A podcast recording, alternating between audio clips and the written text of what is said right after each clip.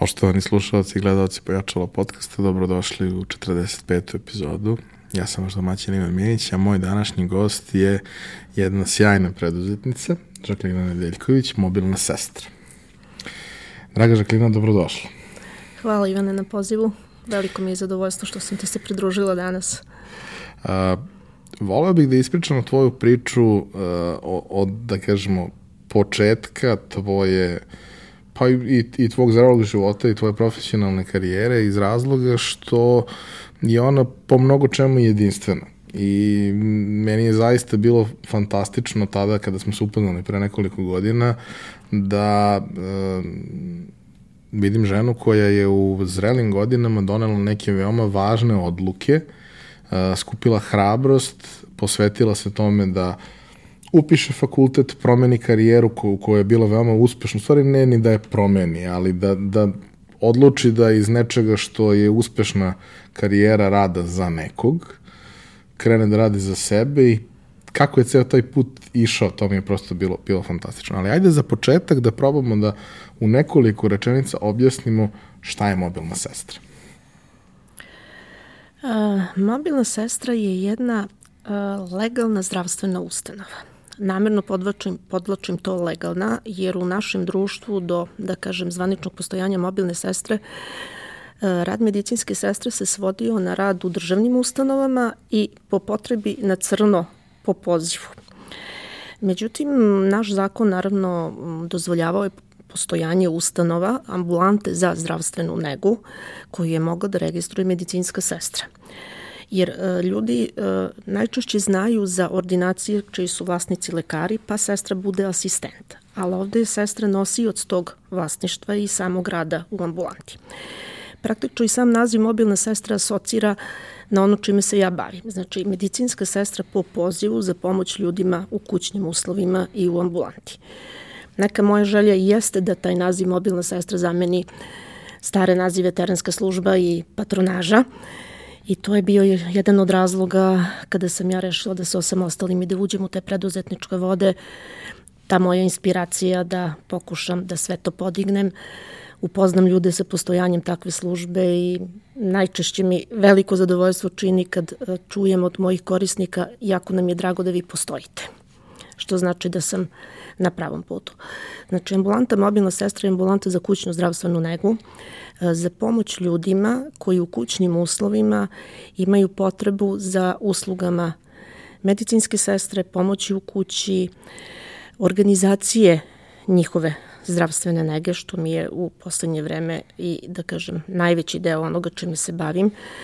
Beograd je jako veliki grad, e, stanovništvo nekako pretenduje ka tom delu da, da puno starih ljudi ima, a da mladi odlaze iz zemlje i e, puno pozivam imam iz inostranstva gde e, ostanu roditelji u Beogradu, deca se e, lociraju širom sveta, znači ne u obližnim zemljama, nego širom sveta i kad krenu problemi koje nosi starost ili bolest, pomoć roditeljima ko? Na rodbinu više ne mogu da računaju, na komšije ne mogu da računaju, onda im treba profesionalna usluga, znači neko ko će zaista da se pobrine o svim potrebama koje jedno staračko domaćinstvo ima u situacijama kada dođe da dvoje starih ljudi ne mogu da izađu iz kuće, ne mogu da odu do lekara, e, kada treba da se organizuje pregled lekara u kućnim uslovima, neka medicinska diagnostika, ultrazvučna, rengen, laboratorija, sanitetski prevoz. I ja sam tu negde koncipirana da, s obzirom da sam po zanimanju medicinska sestra, po obrazovanju diplomirani menadžer u zdravstvu, koncipirala taj svoj posao da sve to mogu da objedinim i organizujem jer sam i dobro umrežena, dobro informisana i onda tu zaista da jedan rezultat koji se kategoriše kao kvalitetna usluga. Nekako je to uvek u, u kada dođeš u takvu situaciju da, da ti je takva usluga potrebna, pre toga si uvek razmišljao da li neka komšenica, da li neko od rodbine zna nekog, da dok sad postoji, da kažemo, sistemsko rešenje za, za tako nešto. E sad, a, hajde da se vratimo na sam početak. A taj sam početak a, negde uh, određuje kako se priča odvija nadalje. Uh, kako je teklo vaše obrazovanje, šta je bilo ono o čemu ste razmišljali, šta su vam bili planovi i kako je e, život odreagovao na planove, ideje i sve ostalo. Upravo tu jeste akcenat na tom životnom delu jer normalno je da dete koje odrasta u primernoj porodici ima onaj razvojni put, završava srednju školu, fakultet, traži partnera, stvara svoju porodicu i, i potomstvo. Međutim, moj život je nekako otišao nekim drugim putem. Ja sam to školovanje u godinama kojima pripada zamenila sa majčinstvom. Jako radno sam rodila sina sa 17 godina, čerku sa 22, redovno završila srednju školu i sa 19 godina se zaposlila kao medicinska sestra.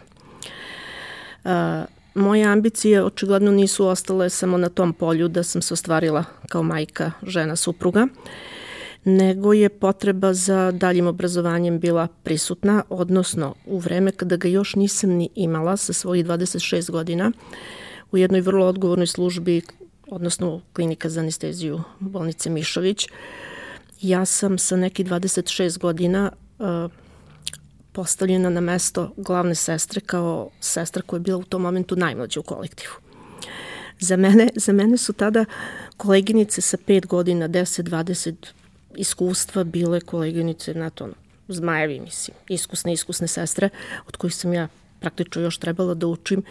Međutim, glavna sestra centra i direktor bolnice, koji je jedno bio i direktor anestezije, prepoznali su neki moj talent organizacioni i prepustili mi odgovornost za jednu tako bitnu službu u, klini, u kliničkom centru, ovaj, u kliničko-bolničkom centru Mišović. I ja sam sa 26 godina bila glavna sestra.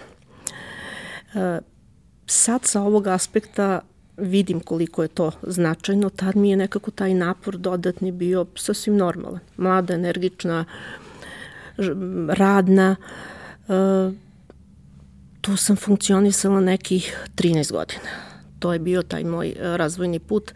Znači, tada sam bila i glavna sestra anestezije, pošto mi sa anestezije smo pokrivali e, veliki broj službi, znači u svim službama smo učestvovali, su to bile hiruške grane, i ginekologija, i urologija, i oral, i po pozivu interne bolesti, deče bolnica, i alergija na rengenu.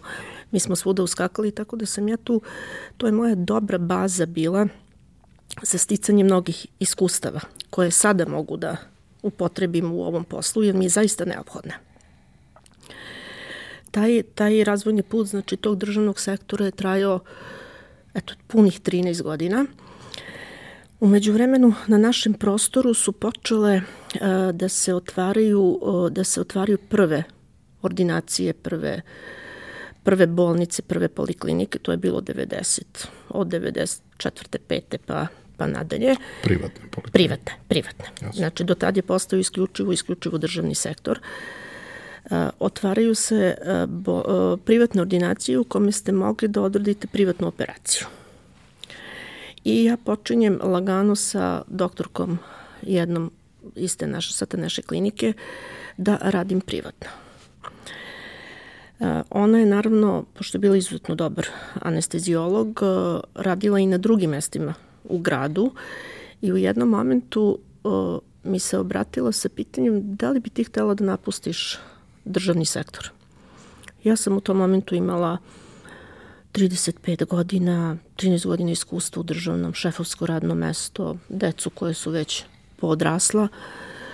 Uh, ja sam zastala onako i razmislila šta donosi državni sektor, šta donosi privatan sektor. Uh, tad poverenje u privatan sektor nije nešto bilo izraženo, da čovjek zna da ako počne jedan posao, možda počne i drugi, može da počne i treći, tad je to bilo onako velika granica povučena između privatluka i, i, i ovog posla u državnom, iako je bilo značajno da vi imate tu neku vrstu sigurnosti znači kontinuitet jedan u, u, svom, u svojim prihodima da biste izdržavali porodicu.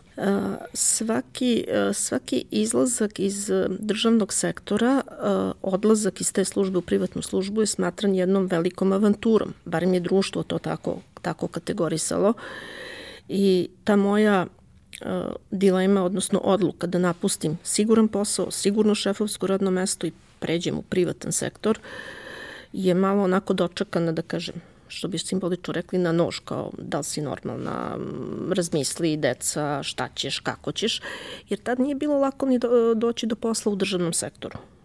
To su bila neka statična mesta, znači popunjena, mala fluktuacija i ne bi se bilo baš tako lako vratiti mi u državni sektor, ali neko moje razmišljanje je bilo s obzirom da je ekonomska ponuda, odnosno ta plata u tom privatnom sektoru bila prilično veća, da ne kažem tri puta veća od tadašnje plate u državnom sektoru, moje razmišljanje je bilo ovako. Pa dobro, ja ću dobiti neko novo znanje, to je bolnica privatna za psihijatriju bila, dobit ću novo znanje van ovih hiruških oblasti u kojima sam bila, pa koliko ta služba opstane, ja ću opet zaraditi ako radim godinu dana kao da sam radila tri godine u državnom sektoru, pa ću valjda u naredne tri godine naći posao. To mi je bilo tadašnje razmišljanje i ispostavilo se da je ta odluka bila jako, jako dobra. E, ja sam prešla u tu privatnu bolnicu. E, o tome e, koliko sam puno toga i naučila tu u radu sa ljudima, to možemo još posebno da da pričamo, jer mi je to jako značajno, razumevanje potreba klijenata. To je ono što nosim kao bazu ovaj, iz te bolnice. I ja sam donela odluku i prešla u tu privatnu, privatnu ovaj, ustanovu, krenula da učim neke nove stvari i e, nekoliko godina iza toga a, počinje da se pojavljuje termin menadžer. Do tada smo u okviru onog upravljanja fabrika i da kažem Tita i komunizma imali šefove i direktore. I sad odjednom dolazi nešto, koje, nešto što se zove menadžer. Vlasnica bolnice kao privatnik je bila prilično onako i kao psihijatar, prilično intuitivna i osluškivala je malo i tržište. I jednog dana me pozvala kod sebe i rekla da li bi ti, pošto su ti deca velika i imaš te organizacijone sposobnosti, praktično urođeni ili kao talenat, kako je ona to već nazvala u tom momentu, da li bih ti htela da upišeš fakultet i da završiš menadžment u zdravstvu. Rad u privatnom sektoru je naravno zahtevan, šestodnevno, šestodnevna radna nedelja, ovamo porodica koja još uvek stasava, Međutim, moje neke ambicije su bile ono kao, što da ne, ja to probaću, završit ću. I na njenu inicijativu sam ja upisala management u zdravstvu, koji u tom momentu nije čak ni kao smer postojao u Beogradu, nego je postojao između dva grada, pa sam ja praktično to školovanje provela pola u Beogradu, a pola putujući van Beograda da bih prosto zaokružila to svoje znanje i došla do, do diplome diplomiranog menadžera u zdravstvu. Tako da je taj, taj deo, te četiri godine su onako bile prilično, prilično naporne, međutim, valjda i moj uzrast u tom momentu je bio takav da mi ta energija nije falila i moj temperament, volja i želja za, za kretanjem i ja sam to nekako uspela da u roku sa generacijom koja je upisana 2005. 2009. sam završila i ono što mi je bilo važno u tom momentu što sad kad vraćamo nazad nas je bilo 18 na tom smeru ovi menadžera u zdravstvu. Ja sam jedina bila iz privatnog sektora. Ostale kolege su bile iz državnog sektora i njima je ta diploma bila značajna da bi došli upravo do tih pozicija šefova u službama u kojima su radili. I ja sam tu praktično donela jedno novo znanje, jer uh, to školovanje na tom ekonomskom fakultetu uh, nije bilo nije bilo vezano za one filozofije iz vremena komunizma i, i, i fabrika, što ja kažem, nego je praktično nosilo notu kapitalističkog razmišljanja. Kako doći do posla, kako napraviti biznis plan, kako ga raditi, realizovati, održati, kako uvoditi inovacije i vreme interneta je tad krenulo onako u ekspanziji na ovim, na ovim prostorima uh, marketinga isto tako I još jedna značajna stvar se dešavala na početku te moje, e, da kažem, akademske karijere. E, na FONu, na Fakultetu organizacijnih nauka, organizovani su treninzi menadžera u zdravstvu i viši trening menadžera u zdravstvu. U, zdravstvu. u to vreme onako jedna prilično skupa investicija, s obzirom kakve su plate bile u, da kažem, u državnom sektoru i uopšte na našim, na našim prostorima, čak nekoliko, nekoliko stotina eura po treningu je to bilo. I to mi je bila jedna značajna od, od, odskočna daska za ovo akademsko školovanje. I tu sam i negde napravila neko razmišljanje e, da to formalno obrazovanje u stvari nije potpuno i nije dovoljno.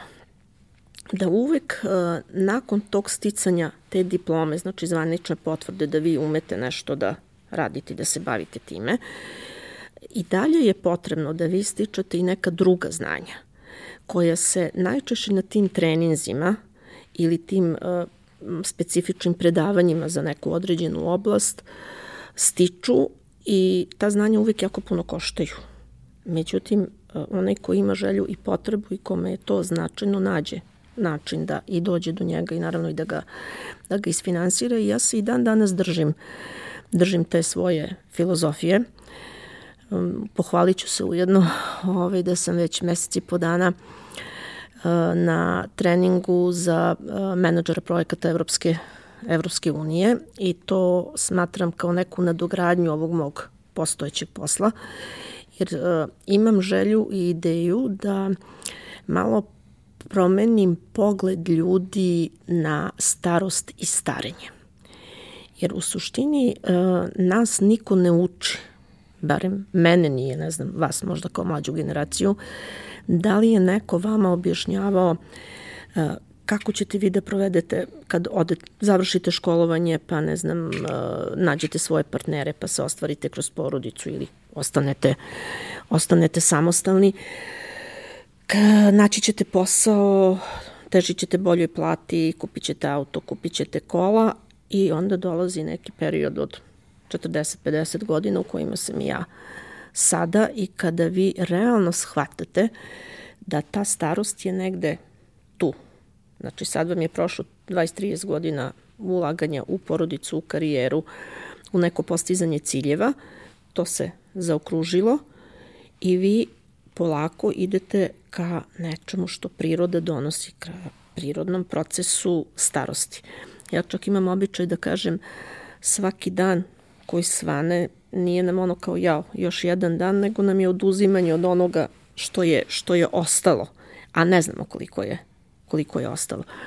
I ako u tom periodu životnom vi ne obezbedite sebi uslove za tu kvalitetnu starost, a u starost ide i bolest, jer prosto organizam popušta, onda dođete u situacije koje ja sad znam često da vidim na terenu da nedostatak novca određuje dužinu životnog trajanja u tom, tom momentu. Nekad je to da kažem i minimalna cifra vrednosti jedne infuzije ili inekcije u privatnom ili jednog pregleda, pregleda lekara, nekad su mnogo veće cifre u pitanju, ali verujte da ima situacije da ljudi to prosto ne mogu. Znači nismo naučeni kako da se obezbedimo za taj neki dolazak starosti i u ekonomskom i u materijalnom i u psihološkom i u svakom pogledu. I moja ideja je u stvari da napravim jedan projekat, mislim za sad je još uvek na ideji, da napravim jedan projekat da prosto promenim uh, ugao gledanja ljudi, odnosno tu svest da prihvatamo i da je to deo, deo života. Znači nije samo ono ostvarivanje kroz školovanje, porodicu i te druge materijalne ciljeve, kola, kola auto, stan, nego i da zadržimo to jedno dostojanstvo u starosti. Jer sad vrlo često imam i ljude koji kažu, ali znate, njegova penzija je tolika ili njena penzija je tolika. Od državnog sektora se dobije onoliko koliko može da se dobije, a ostatak zdravlja mora da se zbrinjava sa saradnjom sa privatnim zdravstvenim ustanovama i onda shvatite koliko je taj, i taj novac važan faktor u, u nekim, nekim situacijama u kojima se zadesite, a najčešće se zadesite iznenada. Da, nas generalno sve te takve stvari, a i mnoge druge u životu zatiču, a ok, neke jesu nepredvidljive, ali mnoge od njih su veoma predvidljive. Um, gledao sam nedavno jedan jako zanimljiv dokumentar, zapravo sam gledao po drugi put, ovaj, o životu Warrena Buffetta. I na samom početku dokumentarca on sa svojom čerkom gostuje u nekoj školi i priča nekoj grupi mladih ljudi ne mogu da procenim koliko godina imaju, ali to je negde 15, 16, 17, 18, dakle neka srednja škola, recimo neka tako paralela pred fakultet ili možda malo manje. I priča jednu sjajnu priču na samom početku da kaže zamislite ovako da možete sada da mi kažete bilo koji automobil koji želite i sutra ujutro ćete ga dobiti ispred vrata. I kao, a dobro, a šta je šta je keč u celoj toj priči? Pa keč je da je to jedini auto koji ćete voziti ostatak života. Kako ćete se postaviti u toj situaciji? Kada vam kaže, ok, auto ne mora biti jedini koji ćete voziti, mada sa tim saznanjem izabraćete sigurno drugačiji auto nego u bilo kojoj drugoj situaciji. Ali telo i um imamo samo jedno. Aha i da prosto, mislim, on čovek ima sad više od 80 godina i dalje je vitalan i dalje je mag u tome što radi i sve što usto ide, ali ovaj, upravo negde to da svi mi, uključujući, mislim i mene, da se razumemo, u ovim godinama kada bismo trebali da vodimo više računa, kada trošimo te neke kredite koji će doći na naplatu, očigledno ne vodimo baš dovoljno računa o svemu tome. I onda nas zatekne 40 pa nas zatakne 50 pa nas zatakne 60 pa nas možda i ne zatekne sve 70 zbog svega onog prethodnog i, i svega što, što, što radi. A, napravili smo uvod, ali još uvek nismo došli do toga a, kako je uopšte došlo do ideje da se osnovne sobstveno preduzeće, odnosno da se izađe iz te uh, objektivno lepe, stabilne, finansijski vrlo zadovoljavajuće situacije i da se pređe u nešto što koliko god bilo uh, svoje i drago nije baš toliko izvesno i nije baš tako predvidljivo. A, kao što sam kažeš, vreme prolazi, stiže neka 45. 6. ciljevi ostvareni, deca podignuta, posao stabilan, ona moja želja za sticanjem novih znanja – u jednom momentu u stvari dovodi do toga da ja svo to primenljivo i napredno znanje ne mogu da primenim u poslu koji vodi neko drugi koji je odgovoran i koji odlu, donosi odluke šta će i na koji, na, kuda će i kojim pravcem da vodi svoju, svoju firmu. I svo moje upiranje da ja naučim još ovo, da naučim još ovo, ne znam, web biznis plan, internet prezentaciju, marketing, vođenje, ne mogu da primenim u toj ustanovi u, u, u kojoj sam. Jer vlasnica je to stopirala i počinje neko unutrašnje, da kažem, nezadovoljstvo, jer mi se tu negde tak moja kreativnost, kako da kažem, zaustavlja. I ja shvatam, mada tu je i tih 13 godina psihijatrije. To je rad jako težak i jako mentalno i fizički naporan. I ja dolazim i sa tog aspekta do jednog prezasićenja i nekako shvatam da taj rad na psihijatriji ipak nije moj izbor za do penzije. I osjećam da moram nešto da promenim. Znači i sa dve strane sam u stvari imala impute i dešava se onaj za mene čuveni i vrlo važan događaj, ovaj, jedan godišnji odmor, kada ja odlazim opušteno na letovanje i dolazim na plažu prvog dana, ulazim u vodu, nagazim na kamen i polomim prst na nosi. Malo tvrdoglavi zdravstveni radnik ne priznaje da je to prelom, nego u ganuću ili nisam mogla ni da pretpostavim da mogu to tako naivno da, da uradim odletujem ja to letovanje, vratim se nazad za Beograd i kao, ajde treba počnem za dva, tri dana da radim, da odem da snimim taj prst, pa da ne idem baš sa, sa posla, nego da završim to dok sam još slobodna. Snimak pokazuje prelom prsta. Posle 13 godina rada ja sam na prinudnoj pauzi od dva meseca, odnosno ostajem kući. I to je vreme bilo za razmišljanje. Ja sam sad rasterećena brige o poslu, e, ograničena sa mojim željama i potrebama za kretanjem i druženjem i ostajem onako u, u miru svoga uma da razmišljam gde, kako i šta, šta uraditi da se ja osetim malo zadovoljnijom. I tu polako kreće da se stvara ideja o pokretanju uh, sobstvene ambulante. Želja u stvari da posjedujem sobstveni biznis.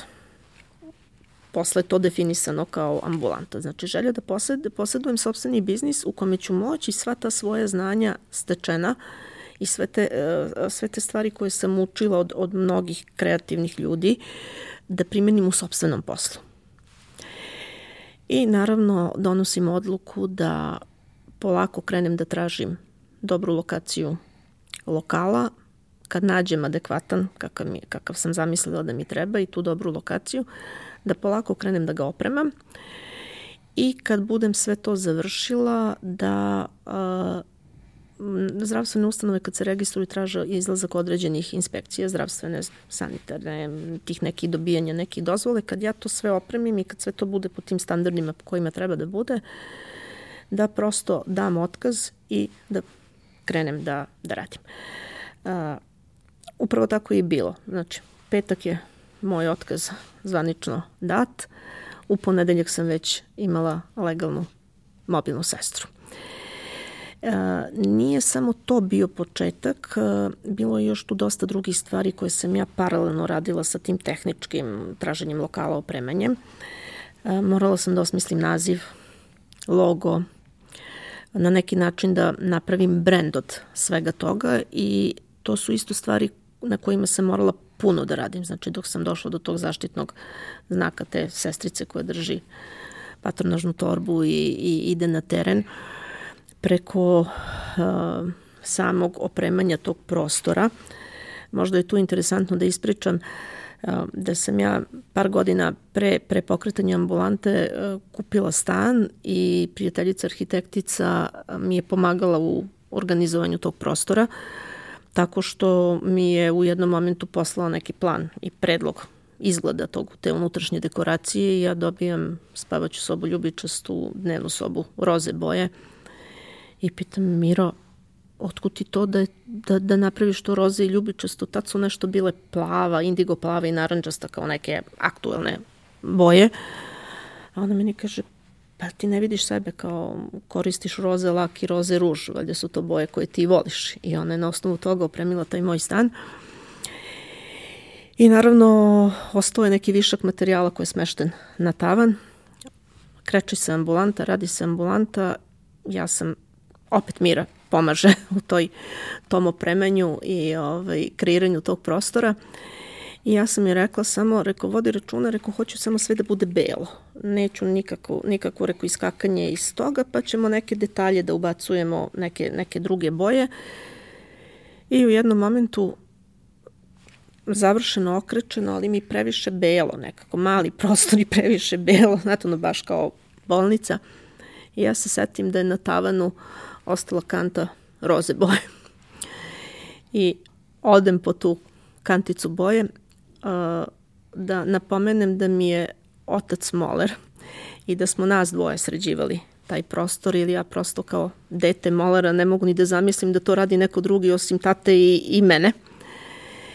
Jer ja i tome vidim kreativnost ovaj, u osmišljavanju i tih boje i dizajna svega toga.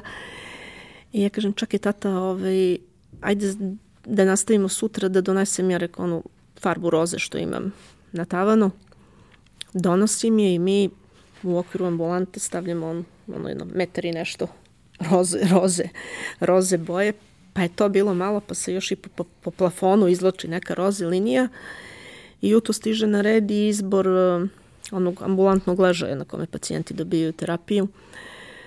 Ja uspem da nađem proizvođača koji pravi roze ambulantni krevet i dobijamo i taj roze, roze ambulantni krevet i sledeće što dobijamo od pacijenata je uh, ružičasto carstvo, tako je nazvan taj, taj prostor, jer zaista dobija taj, taj ovaj, roze, roze pretež, pretežno tu roze boju i ja se sad tako i, i ponašam da je to moje, moje, moje ružičasto, ružičasto carstvo. Tako da to je taj neki početak bio vezan između odlaska a, iz te ustanove u kojoj sam radila i praktično pravog pokretanja. Znači morala sam da prođem kroz to, da nađem odgovarajući lokal, da ga opremim, da prođem inspekcije, da patentiram i zaštitim naziv mobilne sestre. I tu su mi te edukacije bile jako značajne, jer se je negde provukla informacija da je to jako bitno da se uredi pre pokretanja posla. Da je nekako u tom zavodu za zaštitu intelektualne svojine taj proces mnogo teži kad vi već imate posao koji radite ili razrađen pa hoćete da zaštitite, nego da to treba uraditi i pre početka. Da ne kažem za mene kao male, malu preduzetnicu, odnosno početnika u tom individualnom radu, to je velika investicija. Isto se meri stotinama, stotinama eura i ta neka moja razmena znanja i iskustva sa ljudima iz okruženja bila je ono kao, ma daj, šta ti sad to treba, ko da je to bitno, ko da će to neko da ti ukrade. Kažem, da, pustite vi mene, ja to da uradim na svoj način, na način na koji ja to mislim i narodo patentiram taj žig i naziv mobilna sestra, što se pokazalo posle kao, kao jako, jako bitnim i važnim. E, naziv je počeo da se kopira a, da se prepisuje u raznim goglasima, halo oglasima, a u stvari su upotrebljavali naziv legalne zdravstvene ustanove, što nije, nije dozvoljeno. Tako da sam u jednom momentu morala i tu onako da intervenišem na pravi način i to je nekako bio taj početak. Dobro. I sad stvari su formirane i treba da krenu. I sad, ok, ni, ni jedan biznis bez obzira na kontakte, pripremu i sve ostalo, ne kreće od prvog dana punim kapacitetom, potrebno je neko vreme da se sve zavrti, da informacija stigne do ljudi, da ljudi prepoznaju tu informaciju, da ljudi pronađu ako je traže, a traže samo ako već imaju ideju da ona postoji. Postoji niz nekih stvari koje baš ne idu na ruku za sam početak, ali dugoročno mogu da naprave dobar rezultat. Kako je bilo planiranje od starta i kad je počelo? Hajde da krenemo i od toga. Kad je počelo, kakvi su bili planovi od starta i kako je izgledala uh, realnost ovaj, i, i rezultati tih dobrih priprema kako su se pokazali u, u realnom radu. A, moram još da napomenem da ja u toj prethodnoj karijeri, u tih 13 godina državnog sektora i 13 godina rada za privatnika, ja se nisam bavila uh, radom na terenu. Znači, to je i za mene jedna nova oblast uh, koju moram dosta da istražim, da vidim praktično kako funkcioniše, da bih znala šta mogu korisnicima da ponudim kao kvalitetnu, kao, kao kvalitetnu uslugu. E, I e, sam početak je znači bio to, opremili ste se, počeli ste se, registrovali ste, napravili vizit karte, reklamni materijal.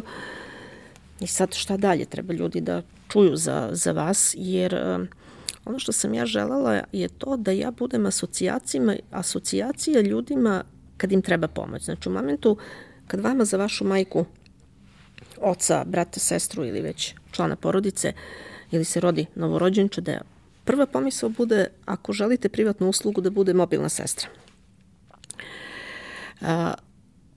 Na iznenađenje moje i ono što mi je još bilo važno, gde sam ja osjećala sigurnost kad sam napuštala tu poziciju da kažem izvršnog direktora privatne, privatne bolnice, ja sam smatrala da ću ja moći uvek da zaradim tu jednu platu koju sam dobijala u toj ustanovi u kojoj sam radila, samo da ću možda moći malo drugačije da se, da se organizujem. Znači, bila sam sigurna u sebe da ću, to, da ću jednostavno moći, nisam imala strah od toga šta ću i kako ću. I uh, ta moja, ta moja ove, ne, da ne kažem, nedost, nije nedostatak straha, dileme sigurno postoje, nepoznato tržište, videti, videti šta kako u kom pravcu uh, jesu bili realni prosto bili su realni ali nekako da li valjda tim svojim činjenjem ili tom nekom energijom koju ja imam, meni je posao vrlo brzo krenuo. Posle mesec dana su već krenuli klijenti koji, koji su meni mogli da donesu upravo tu platu o kojoj sam ja razmišljala na početku. Uh, iza toga dolazi, to je bilo u maju 2015. kada je registrovana ambulanta, uh, širenje kontakata društvenih uh, dovodi me do poznanstva i upoznavanja sa tim da postoji udruženje poslovnih žena Srbije i da bi lepo bilo da ja budem ovaj, kao eto, preduzetnica član, članica tog udruženja. Ja sam prisustovala i pre tog mog pokretanja posla tim, tim sastancima. I a, počinjem malo aktivnije da se bavim ovaj, sa druženjem u tom, u, u tom udruženju i dobijem jedan pozitivan podstrek od članice jedne koja mi jednostavno me podstiče, znači ja još uvijek nisam imala ideju da bih ja to trebala tad da uradim. To je bila 2016. godina, da konkurišem za titulu zvaničnu dobijanje titule e, žena zmaj, odnosno cvet uspeha za ženu zmaja, udruženje poslovnih žena Srbije. Uh, A, međutim, ona je videla opet u meni isto nešto, nešto ovaj, van serijsko ili, ili drugačije i onako dobro me pogurala u, u smislu da me ohrabrila.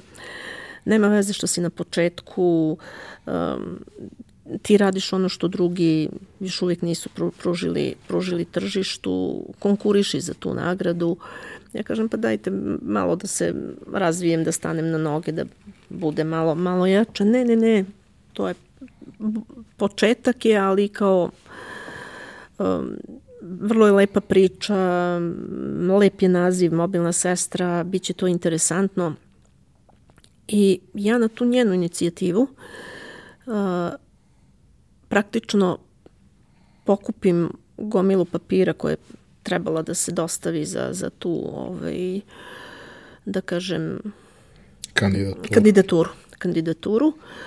Um, pritom, uh, ti pozivi su išli, postojalo naravno vremensko ograničenje za dostavljanje te, te, tih ovaj, dokumenta.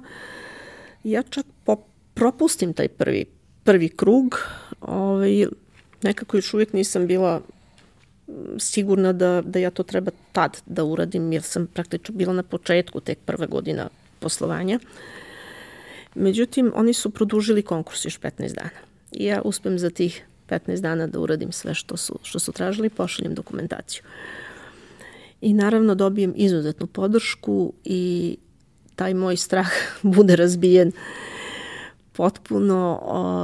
Ja u oktobru 2016. od udruženja dobijam titulu Cvet uspeha za ženu zmaja, što je bila jedna veliki, veliki, jedan veliki vetar u leđa jedna velika podrška jer uh, sam imala priliku i čast i zadovoljstvo naravno da i kao članica udruženja budem predstavljena na mnogim medijima od televizije, radija i raznoraznih emisija, pa između ostalog i tvoje gosto, tvo, gosto, gostovanje. Ovo, imali smo i taj neki zajednički intervju za moju firmu. Za koje evo i sad mogu izvanično da kažem, zaista smatram ovaj, da mi je to najbolji intervju koji smo do sada, do sada uradili. Ne da ti laskam zato što sam ovde, nego kad god imam situaciju da negde gostujem, ja pročešljam taj intervju i vidim da, da, da, sve je tu to što mi je značajno i, i što mi treba. I tu sam nekako dobila, kažem, veter u leđa, medijsku pažnju, i televizije i novine i radi na mnogo, na mnogo mesta sam učestvovala. I tu sam ovaj, dobila i u isto vreme i od pacijenata dobijam, dobijam naziv osim žene zmaja počinju praktično pacijenti da me prepoznaju. E, videli smo vas na televiziji, e, videli smo vas, e, čuli smo za vas, što do tada nije bilo. Znači, nekako ta informacija o mom postojanju, o mobilnoj sestri se širi, se širi tako što me prepoznaju. Um, dešavalo mi se čak da uđem i u nek, neku prodavnicu ili radnju, s obzirom na ovu moju specifičnu kosu, a i to mogu da vam ispričam kako je došlo do tog spontanog brendiranja. Ovaj, moja čerka se farbala u crveno i ja u jednom momentu ukradem malo te crvene farbe i sipam u neku svoju plavu koju sam do tad koristila i dobijem neku nijansu roze kose. I onda je bilo kao, ja, što ti dobro stoji. E onda ide onaj problem tih farbi koje se brzo ispiraju, pa je meni trebalo jedno godinu, godinu i po dana da nađem neko rešenje dok nisam došla do ove profesionalne farbe i sad sam otišla skroz u pink. Desila se jednom jedna omaška, neka farba se zvala japanski cvet, što asocira na roze boju, međutim izgleda nije bila roza, nego bila brown i ja odoh potpuno u neku drugu, drugu nijansu. Takvu sam prozivku dobila od prijatelja i prijateljica da sam morala brzom brzinom da se vraćam u, u roze ali je i to bio problem, nije htela ova Brown da se ispere nikako i, i jedva sam se nekako vratila i sad sam zadržala taj neki, neki standard i više ne mogu sebe ni da, da doživim u nekom tonalitetu ovaj, druge boje kose, nego to je ta pink koja meni, koja meni pripada uz sve komplimente koje dobijam gde god se pojavim, jo, vi ste, pa što vam je lepa boja, pa ja kažem, verujte, slučajno je došlo do toga, ali evo, ostalo trajno, tako da se držimo toga. I opet ova kosa i taj neki moj lični styling isto od strane pacijenata i prijatelja dovelo je, dovela je osim Žaklina mobilna sestra do jednog spontanog nadimka Pink Lady, pa onda u okviru tih uh, novinarskih pisanja uh, Pink Lady sa osmehom koji leči. Jer negde prepoznaju tu moju energiju ili ne znam, šarp koji imam Ja zaista to umem da uradim i dešavalo mi se kad uđem u kuću pacijenata da mi kažu vi kad uđete kao da sunce neko, neko ulazi. Ja sad ajde da se ne vraćam na neki horoskop, verovatno neku energiju posjedujem koju drugi vide, koju ja prirodno nosim i kojem ne mogu da upravljam, nego jednostavno je neko, neko prepoznaje. Tako da to je taj neki, da kažem, sam početak vezan za uh, tu neku prijateljsku pomoć i za to neko društveno postignuće, ta titula mi je onako nešto što žena zmaj, nešto so, što s ponosom nosim i tu je negde krenula ta uzlazna linija prepoznavanja ovog roze brenda, odnosno mobilne sestre. Jedna od bitnih stvari je da je taj posao veoma zahtevan, ne samo sa, da kažemo, profesionalne strane da bude urađen kako treba, već i sa one neke strane uh, mekih veština, odnosno komunikacije sa ljudima. Ljudi vas zovu kad imaju problem, ljudi vas ne zovu kad je sve super. Tako je. Tako je. Uh, to je malo zahtevno i za oglašavanje, brendiranje i sve ostalo, jer ljudi treba da imaju svest gde da nađu kada se desi problem. A to je onda kao proces koji, koji prosto neko, neko vreme obično prođe između saznanja i, i, i realizacije, da kažem, cele priče, ali um, Mislim da je upravo to celokupno prethodno iskustvo bilo veoma značajno da prvo se vi osjećate komotno u svemu tome, da koji god da je problem, znate na koji način da ga rešite, a sa druge strane i e, ta, taj drugi deo karijere u, u privatnom sektoru i, i rad sa pacijentima u, u tom slučaju i ovaj, činjenica da je to sada vaše, na neki način da, da ta komunikacija bude na, na, na pravom nivou. Volao bih da, ukoliko je moguće, ispričamo neke zanimljive anegdote sa, sa pacijentima, jer mislim da ovaj,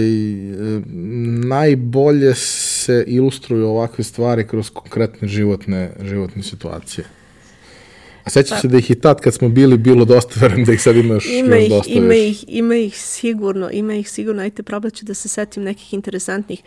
Da, moj najhitniji poziv i najhitniji slučaj je bilo, bio poziv jedne uplašene mame koja je bila sa bebicom od desetak dana sama u kući, suprug je nešto morao službeno da otputuje i hitan poziv se odnosio na uh, zapušavanje bebinog nosića da dođem da pomognem da se otpuši bebi nos.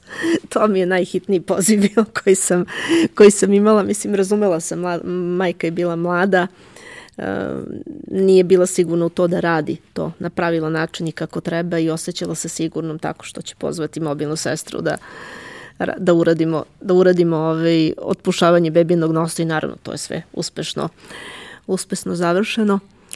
A, drugu situaciju sam imala, imala sam jednu a, starovremenu gospođu koja je punila 95 godina. Moram da kažem da je moj najstariji pacijent imao 99. I ja nekako kad pričamo o starosti i o ovom mom projektu što hoću da radim, smatramo od 80 godina nadalje da možemo da pričamo o starosti. Do 80, kako tako.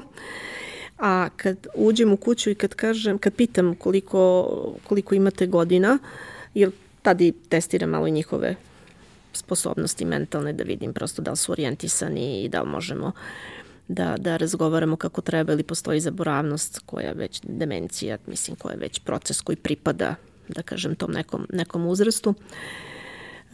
Ova moja, da, e, imam običaj da kažem, ovi, dobar dan, a koliko vi godina imate? 83, znate, ja imam 83 godine, kažem, gospodina, je li to manje od 100? Pa jeste, pa rekao, dobro, do 100 brojimo, pa ćemo onda iz početka. I to je neka moja ulazna, ulazna lozinka, da kažem, za uspostavljanje neke dobre komunikacije. Naravno, svi se tu raspolože, nasmeju i zaborave i na neke bo boli koji ih trenutno, trenutno muču i onda naravno ta spontana komunikacija uvijek ide, ide mnogo bolje. I ovde smo imali gospođu 95 godina koja je trebala da proslavi svoj rođendan. U tom momentu je neka terapija bila ovaj, aktualna kod nje, ne mogu se setim sad infuzije, inekcije, nešto nešto je bilo. I ja sam se viđala sa njima dan, dva, tri pre toga ovaj, svakodnevno. Četvrti dan rođendan, kupuje se tortica na kojoj piše srećan 95. rođendan i ljudi smatraju da neko nekog zafrkava, kao jeste sigurni da treba tu da se napiše 95 godina ili nekoga kao za neko gospođe baka puni 95 godina. Ona je prosto od uveče do narednog dana dok se ja nisam pojavila 20 puta pitala da li ja sigurno dolazim na njen rođendan. to mi je bilo onako, da vas neko kome pomažete u nekom, nekom stanju ovaj, toliko prihvati, toliko želi vaše prisustvo. I ja znajući da ona voli uh, da popije čašicu vinjaka ili to je neki njen ritual bio, kupujem jednu malu staklenu flašicu koja je imala čipku okolo i sipam višnjevač unutra i donosim je to kao poklon da bi mi nazdravili za njen 95. rođendan. čega još mogu da se setim? A da, bila je jedna simpatična situacija i prilikom ulaska u jedno renovirano kupatilo, znači stan veliki, ogroman, luksuzan, pomaže čerka klijenta da uđemo zajedno u kupatilo, e, gospodin treba da se okupa, pa se stideo. Mislim, on je to generalno mogao da uradi, ali se stideo pred članovima porodice. Valjda dve čerke su bile, pa nije dao da, da one pomognu oko toga. Ja kažem, dobro, nema problema, ući ću ja sa njim u kupatilo. I, ovi, I u jednom momentu, mislim, ja sam bila u uniformi, normalno u svojim cipelama za teren. U jednom momentu čovjek počinje ovako da se trese. I ja kažem, vama hladno? Pošto mi je to jedina asocijacija. A viče, struja. Ja kažem, kakva struja?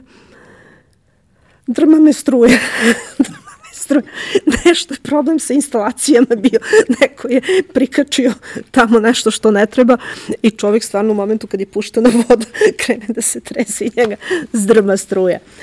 Tako da uvek, mislim, uvek ima nekih, nekih interesantnih stvari ili nekih poziva tako koji, koji budu, budu interesantni, ali evo ova da kažem, tri su mi nekako uvek, uvek tu na vrhu svih tih događaja koje možete da imate ovaj, na, na terenu operativno, mislim, prilikom ulaska, ulaska u stanove pacijenata. I ono što ja volim u ovom poslu, ja volim da se družim i da upoznajem ljude. I meni je to veliko zadovoljstvo da upoznam nove ljude, jer mi zaista napravimo neku relaciju da, ne mogu da kažem da prevazila se i granice profesionalnog, profesionalnosti je uvijek tu, ali nekako postanem deo njihove porodice.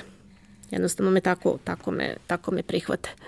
I meni je to neki, neki energetski feedback što ja kažem, ja sam sad već zadovoljila sve te svoje ciljeve, deca su velika, iškolovana, ova godina nam je bila godina da kažem, dece.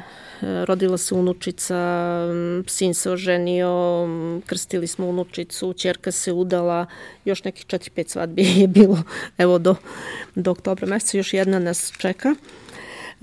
Svi ti ciljevi su nekako podignuti i, i završeni i ja sam praktično zatvorila taj svoj ciklus, znači školovanje i privatan posao i deca velika i što kaže potomci unuka je tu. Ja tu kažem da sam ja na tom nivou duhovnosti, da uvek ljudima za ono i što me plate i što imaju očekivanje od mene uvek pružim više. I onda dobijem neku zahvalnost ljudsku zahvalnost. Znači, ne da ja to tražim i ne da ja, to, da ja sve pre toga činim da bi to dobila, nego to je nekako proces koji spontano ide. I ja se jako dobro osjećam radeći ovaj posao. Znači, da mogu da pomognem i da vidim ljude sa rešenim problemom koji se okreću ka meni sa jednom dubokom zahvalnošću.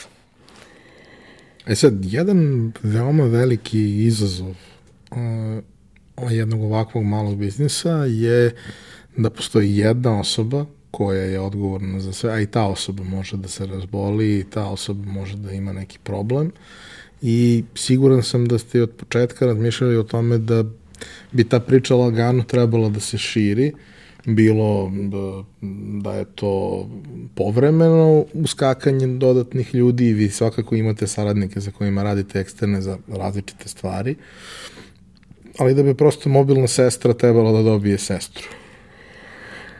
Pa... I kako je, prosto, kako je, kako je išlo razmišljanje samo u tome i šta su neki kriterijumi koje ta osoba treba da ispuni, jer vrlo često kad razmišljamo o tome, mislim ja sam nažalost imao pre par godina iskustvo da neko vreme provedem u bolnici jer sam bio neodgovoran prema svojim plućima, ovaj, i to neko iskustvo da mi muškarci, ja mislim da svi volimo medicinske sestre, to nekako tako prirodno dođe. ovaj, I sticajem okolnosti u Zemunskoj bolnici je bilo mnogo mladih, pralepih sestrica i e, sve one su davale infuziju tako da mi ostane modrica narednih četiri dana, ali prosto, pošto su je one davale, nije to toliko bolelo, jel?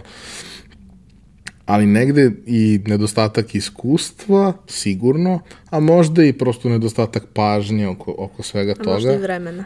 I možda i vremena sa veliki, veliki broj pacijenata zbrinjavaju. Bilo je nekoliko starijih koleginica koje su svaki put kada dođu, ja sam čak imao situacije da, da jednom uh, mi je, pošto kao Brownila se zapušila, odnosno završila uh mhm. -huh. svoju funkciju i treba sad na drugo mesto, ja spavam, pružim ruku, uh, žena sve namesti, ja, na, ja spavam, ja nisam, nisam ni prestao u suštini da spavam, probudio sam se da, da dam ruku i to je to i sve funkcionisalo savršeno i mislim da je to negde jako važno.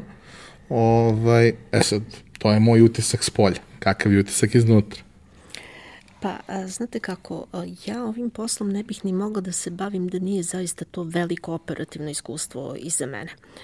Znači, ajde da se zadržimo na traženju vena. 13 godina provedete u operacijonoj sali sa po 4, 5, 6, 10, 12 i do 15 pacijenata je znalo da bude koje ubodete i nađete taj venski put za davanje ili leka ili anestezije ili, ili terapije. Opet, uh, ovaj drugi deo karijere od 13 godina u privatnom sektoru je bio vezan za rad sa zavisnicima koji su takođe problematični sa venama.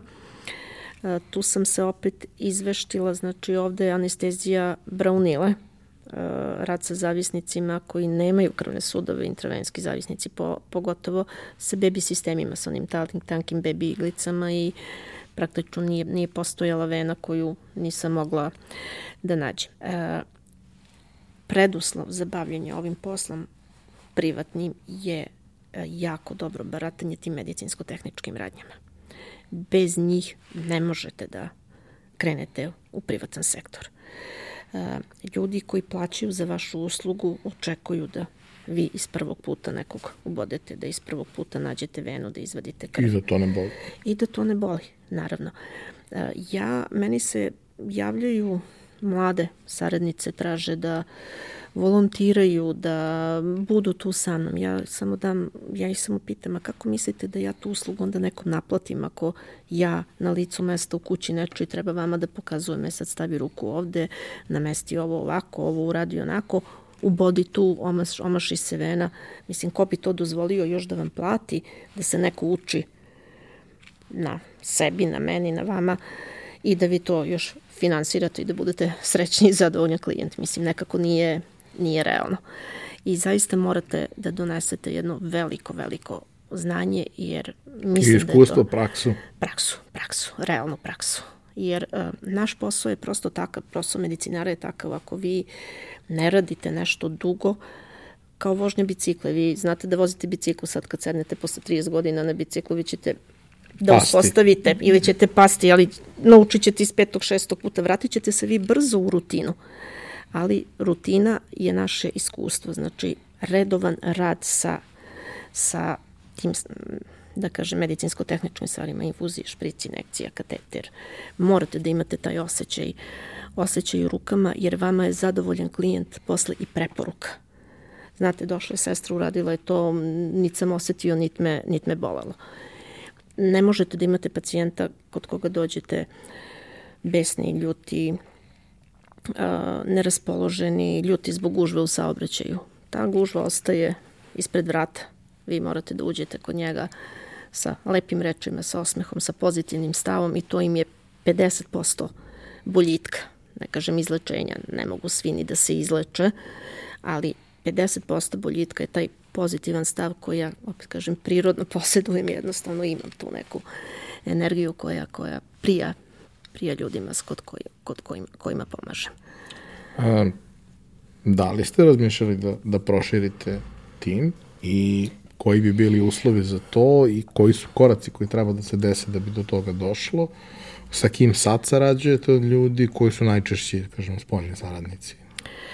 Evo ovako, uh, moje neko to, kažem, profesionalno razmišljanje iz vođenja biznisa je bilo ovako. Ajde ja da probam, da vidim, da vidim šta ja mogu tu da uradim, kako će sve to da se razvija E, ono što sam imala kao informacije su da, znate i sami, ono, prve tri godine ko opstane, opstojao je i kasnije, e, da vidim te tri godine kako će da ide, odnosno ja sam dala malo duži rok, 3 do 5 godina. Ja sam sad maj 2015. znači četiri i po, u petoj sam, definitivno sam, privodim tu petu u maju, zaokružujem. I upravo to jeste vreme kad sam ja zaista osetila da ja moram neku promenu da, da uradim. Prosto sam posao je donosio tu, tu potrebu za nekom promenom. Onaj veliki korak koji se opet namestio sam po sebi jer je došlo vreme za to, kao što ja kažem, sve u, sve u tvoje vreme, ne tad kad ti hoćeš, nego tad kad dođe, dođe vreme. A, moja čerka je moj prvi saradnik koji će najverovatnije od nove godine kad još završi neke edukacije na kojima je trenutno biti neko ko će se zvanično pridružiti mom timu, odnosno timu koji ćemo praviti, koji je, šta je, šta je veličina te, tog našeg ovaj, širenja, ona je završila marketing i master na fonu iz upravljanja, upravljanja ljudskim resursima. Ja bez te vrste pomoći neću moći da radim više od onoga što, što mogu. Prosto postoji neko i dan traje određen broj sati i posto. godina traje koliko, znači fizičko ograničenje.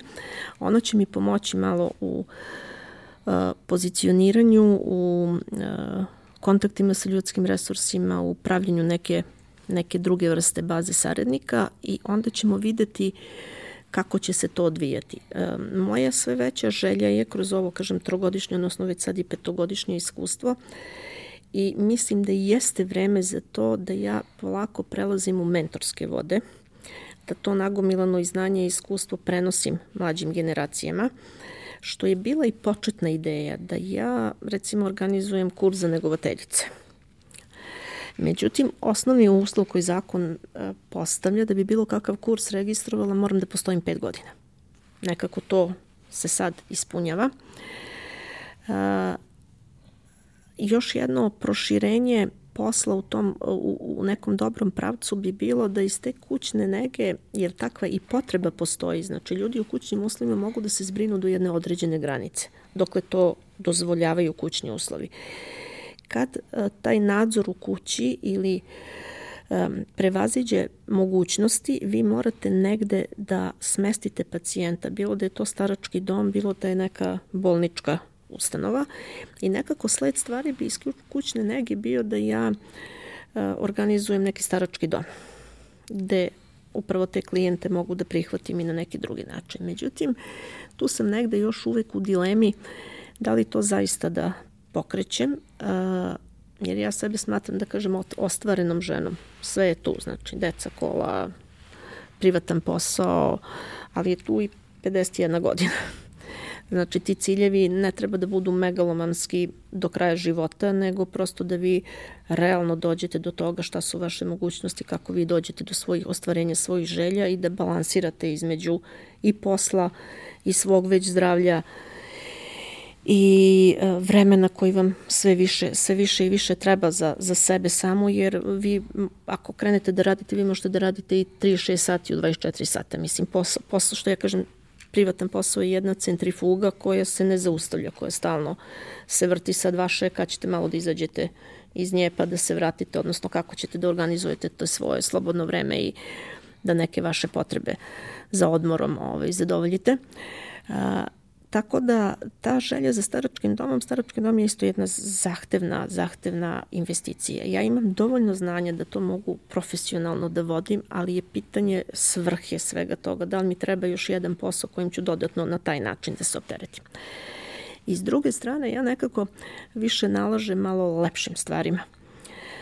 Um, ona moja potreba za mentoringom, ta moja potreba za kretanjem i ta neka dinamika što je stalno sam negde po gradu Beogradu, e, praktično nekako što ja kažem opet univerzum mi je doneo tu edukaciju za menadžera projekata Evropske unije koju realizujem pod pokroviteljstvom isto jednog udruženja uh, poslovnih žena, ali uh, koje se zove udruženje Biznis na štiklama koje se bavi promocijom zdravog života.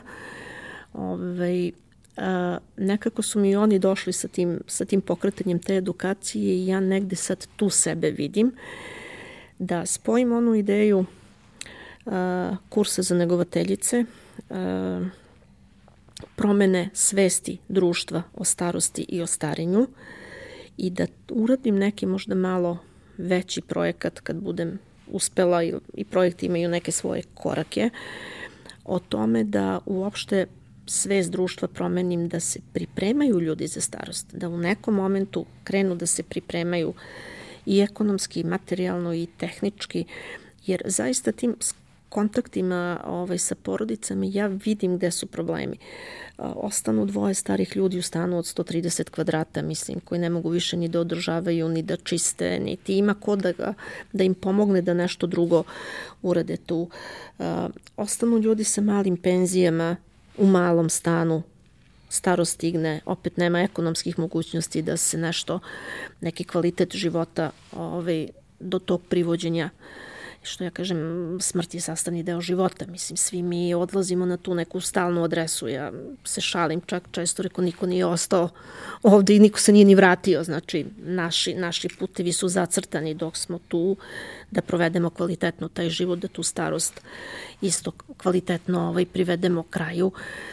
I tu jeste ta neka kvaka uh, kako, kako naučiti ljude da, da kad ste mladi razmišljaju šta će onda radi sa 60 i 70 godina. Po sistemu svi, e, kad to dođe, vidjet ću, ali to nekako dođe. Nekako dođe i jako I zatekne. I zatekne. I najčešći, najčešći pozivi su pacijenta, ja znate, ovaj, tata, mama, moždani udar, pad, prelom kuka, mi nikad nismo imali priliku da se sretnemo s tim, ne znamo šta da radimo. I to mi jeste veliki deo posla da odem, da pogledam celu situaciju, da pogledam medicinsku dokumentaciju i da dam neki pravac. Da li je realno da ako se jedan čovjek brine o nepokretnom pacijentu, taj nepokretni pacijent ostane sam u kući 18 sati dok se taj neko ne vrati ili mora da se smesti na par dana negde u starački dom pa da se vrati kad se stvore uslovi, znači nije sve da, da može u kući da se uradi i tu jako puno pomognem tim savjetodavnim delom koji pravac da se hvata da bi se pacijent maksimalno obezbedio i u mentalnom smislu i u fizičkom, jer rane odležanja, dekubiti, to je oblast, oblast kojom se ja posebno bavim i specializujem. Ove, ovaj, ako nemate uslove, ako imate krevet bakin ili dekin koji je star malte nekoliko i oni iz koga oni neće da izađu, jer su emotivno vezani za taj svoj krevet. Znači imam i tih situacija bezbroj na terenu. Vi morate da im objasnite da njima u tom momentu treba bolesnički krevet, hidraulični krevet koji se podiže levo, desno, ima ogradicu da ne padne pacijent dole ili je noću uznemiren jer mu je bolest takva jer i ti padovi znaju da budu okidači za neke mentalne promene, strahovi da im se to ne desi, znači moraju da promene uslove boravka, ne može da ostane baka na propalom dušeku, će dobiti rane odlažanja, mora da se uzme i antidekubitalni i, i ovaj bolesnički krevet pravi, porodica naravno nađe način to da, da uradi, ali kažem, to su mi isto česte situacije koje imam. Tako da ja a, a, mislim da mi ostaje, dala sam sebi rok neki do, do kraja ove godine, da vidim kako ćemo i u kom ćemo pravcu.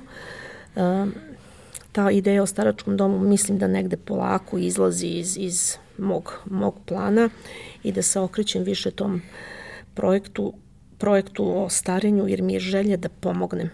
Prosto mi želja da, da, da pomognem. Tako da, eto, dobit ću, da kažem, pravu pomoć, odnosno um, imaću porodičnu firmu. Kad se možda sledeći put budemo, budemo videli onda ću možda da pričam o tome kako je bilo kad sam počinjala sa članom porodice, da li je to to što jesam, za sada zaista jeste, za sada zaista jeste, čak sam i, i više i iznenađena, e, mnogo više dobijam nego što, što, ovaj, što, što dajem sad u tom, u tom um, toj početnoj saradnji sa, sa, sa čerkom gde ja nju pripremam eto, za ta, tu neku, neku našu zvaničnu, zvaničnu saradnju. Žaklina, hvala.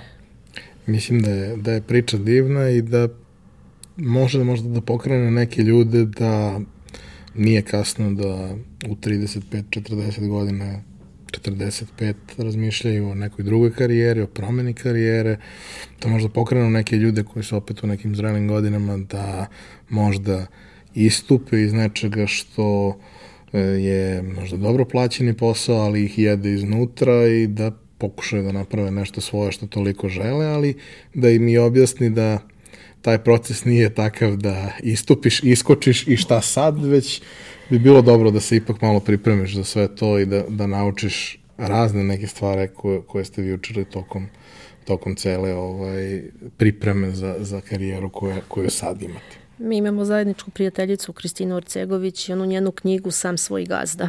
Kad sam otvorila ambulantu pre pet godina, bilo je ono kao jao, ti si svoj gazda ti sad možeš šta hoćeš. Mislim, možeš, ali na svoj sobstveni račun. Ako ne odeš da uradiš zašto te pacijente zovu, ti nećeš ekonomski završiti mesec pozitivno i moći da, da izdržavaš sebe. Znači, nije to baš tako sam svoj gazda. Jeste sam svoj gazda na svoj račun, a ja sad, evo, posle pet godina kažem, e, meni je posao gazda.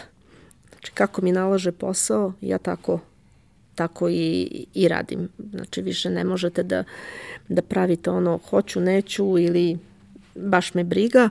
U privatnom poslu nema baš me briga. Znači Naročito u poslu u kome ljudi zavise od vas. Jeste, jeste. Znači tu morate zaista da ostanete maksimalno i profesionalni i da imate sluha i da budete dostupni kada se desi zadesna situacija, a sve ostalo organizujete prema svom poslu to barem ja sad trenutno radim dok eto ne uđem u te malo drugačije vode i dok ne postavim još te stvari onako kako bi, kako bi zaista trebalo, ali to je opet, opet neki novi početak što ja eto umem i to da, da, da uradim, znači možda tamo iza nove godine će biti opet neki novi početak nečega, pa ćemo opet za pet godina da pričamo o tome gde smo bili kad smo imali nešto, pa smo sad još nešto sledeće pokrenuli. Hvala Ivane svakako na ovom učešću, bilo mi je i zadovoljstvo i zahvalna sam ako i na ovaj način mogu da pomognem nekome, tu sam naravno za, za svaki savjet i za svaku pomoć koliko je do mene i koliko ja mogu. nastavljamo akciju koju smo uveli pre nekoliko epizoda, da na kraju svake epizode najavimo koju ćemo knjigu podeliti ovaj put i ovoga puta tri knjige. Uh, set godin plemena, sjajna knjiga, mislim da, da je nešto što svakom preduzetniku i onima koji razmišljaju da krenu uopšte tim putem može da donese ovaj, neka, neka zanimljiva saznanja, informacije i da upali možda neke ovaj, lampice koje, koje trenutno nisu upaljene, a, kao i do sad.